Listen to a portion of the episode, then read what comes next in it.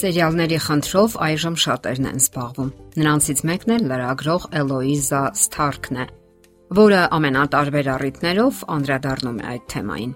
Մեր օրերի ճարիք, թերևս այսպես կարելի անվանել մեր օրերում այնքան տարածված սերիալները Սերիալները սկիզբ ունեցող, սակայն ավարտ չունեցող ֆիլմաշարեր են, որոնք գերել են իրենց հանդիսատեսներին։ Մենք կարելի ասել ապրում ենք սերիալների ոսկյա դարաշրջանում, եւ դրանք վաղուց դադարել են համարվել արվեստի ցածրաճաշակ տեսակ։ Դրանք նորանոր լսարաններ են նվաճում եւ դրանց ստեղծման վրա աշխատում են երկրի լավագույն ռեժիսորները։ Եվ ինչու են սերիալներն այդքան բավականությամբ դիտում թե մեծերը, թե փոքրերը։ Պատճառը դրանց ձևաչափն է, որը թույլ է տալիս մանրամասն եւ հանգամանալի պատմել տարբեր պատմություններ, ինչը չի արվում սովորական ֆիլմերում։ Սակայն վտանգն այն է, որ ճափից դուրս տարվելով սերիալներով մարդը հայտնվում է իրական աշխարից կտրվելու վտանգի մեջ։ Աշխարհ, որը լի է հիմնախնդիրներով եւ ուրախություններով, եւ առավել խոցելի են նրանք, ովքեր ունեն թույլ նյարդային համակարգ եւ հոգեբանական անկայուն աշխարհ։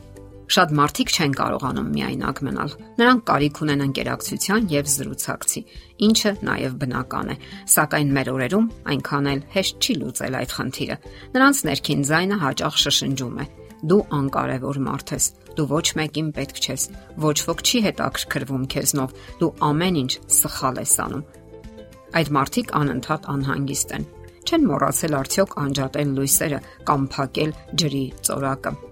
Արդյոք չմոռացան վերցնել հեռախոսը։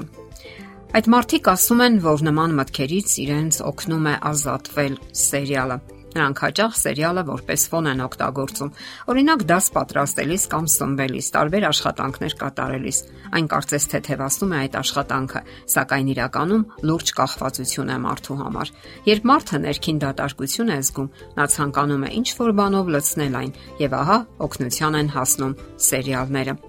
սերիալներից կախվածության մեջ գտնվող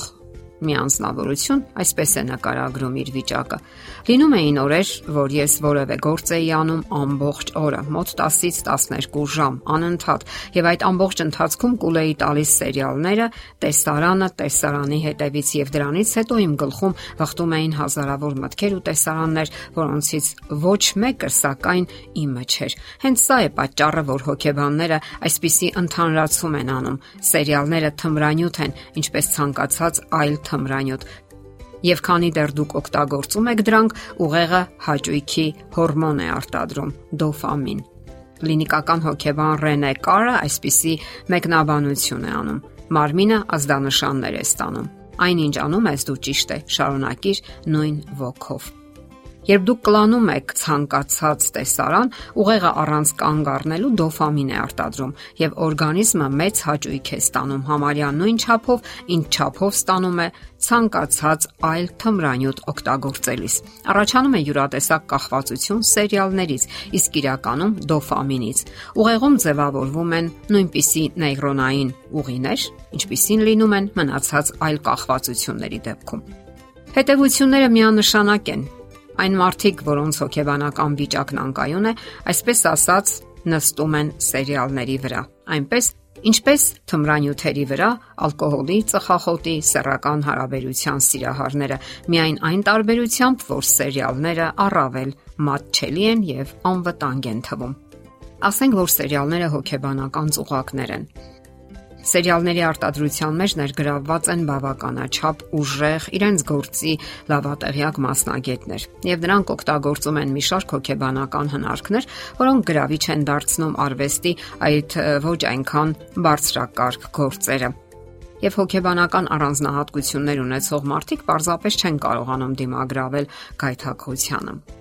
Գործողություն եւ արագություն։ Սա այն է, ինչը հաճախ անվանում են action Այս դեպքում գործողությունները արագ հաջորդում են միմյանց։ Իսկ ինչպես են կառուցվում գործողություններն ու տեսարանները։ Մի տեսարանը հաջորդում է մյուսին։ Տեսախցիկը միանձնավորությունից թռչում է դեպի մյուսը։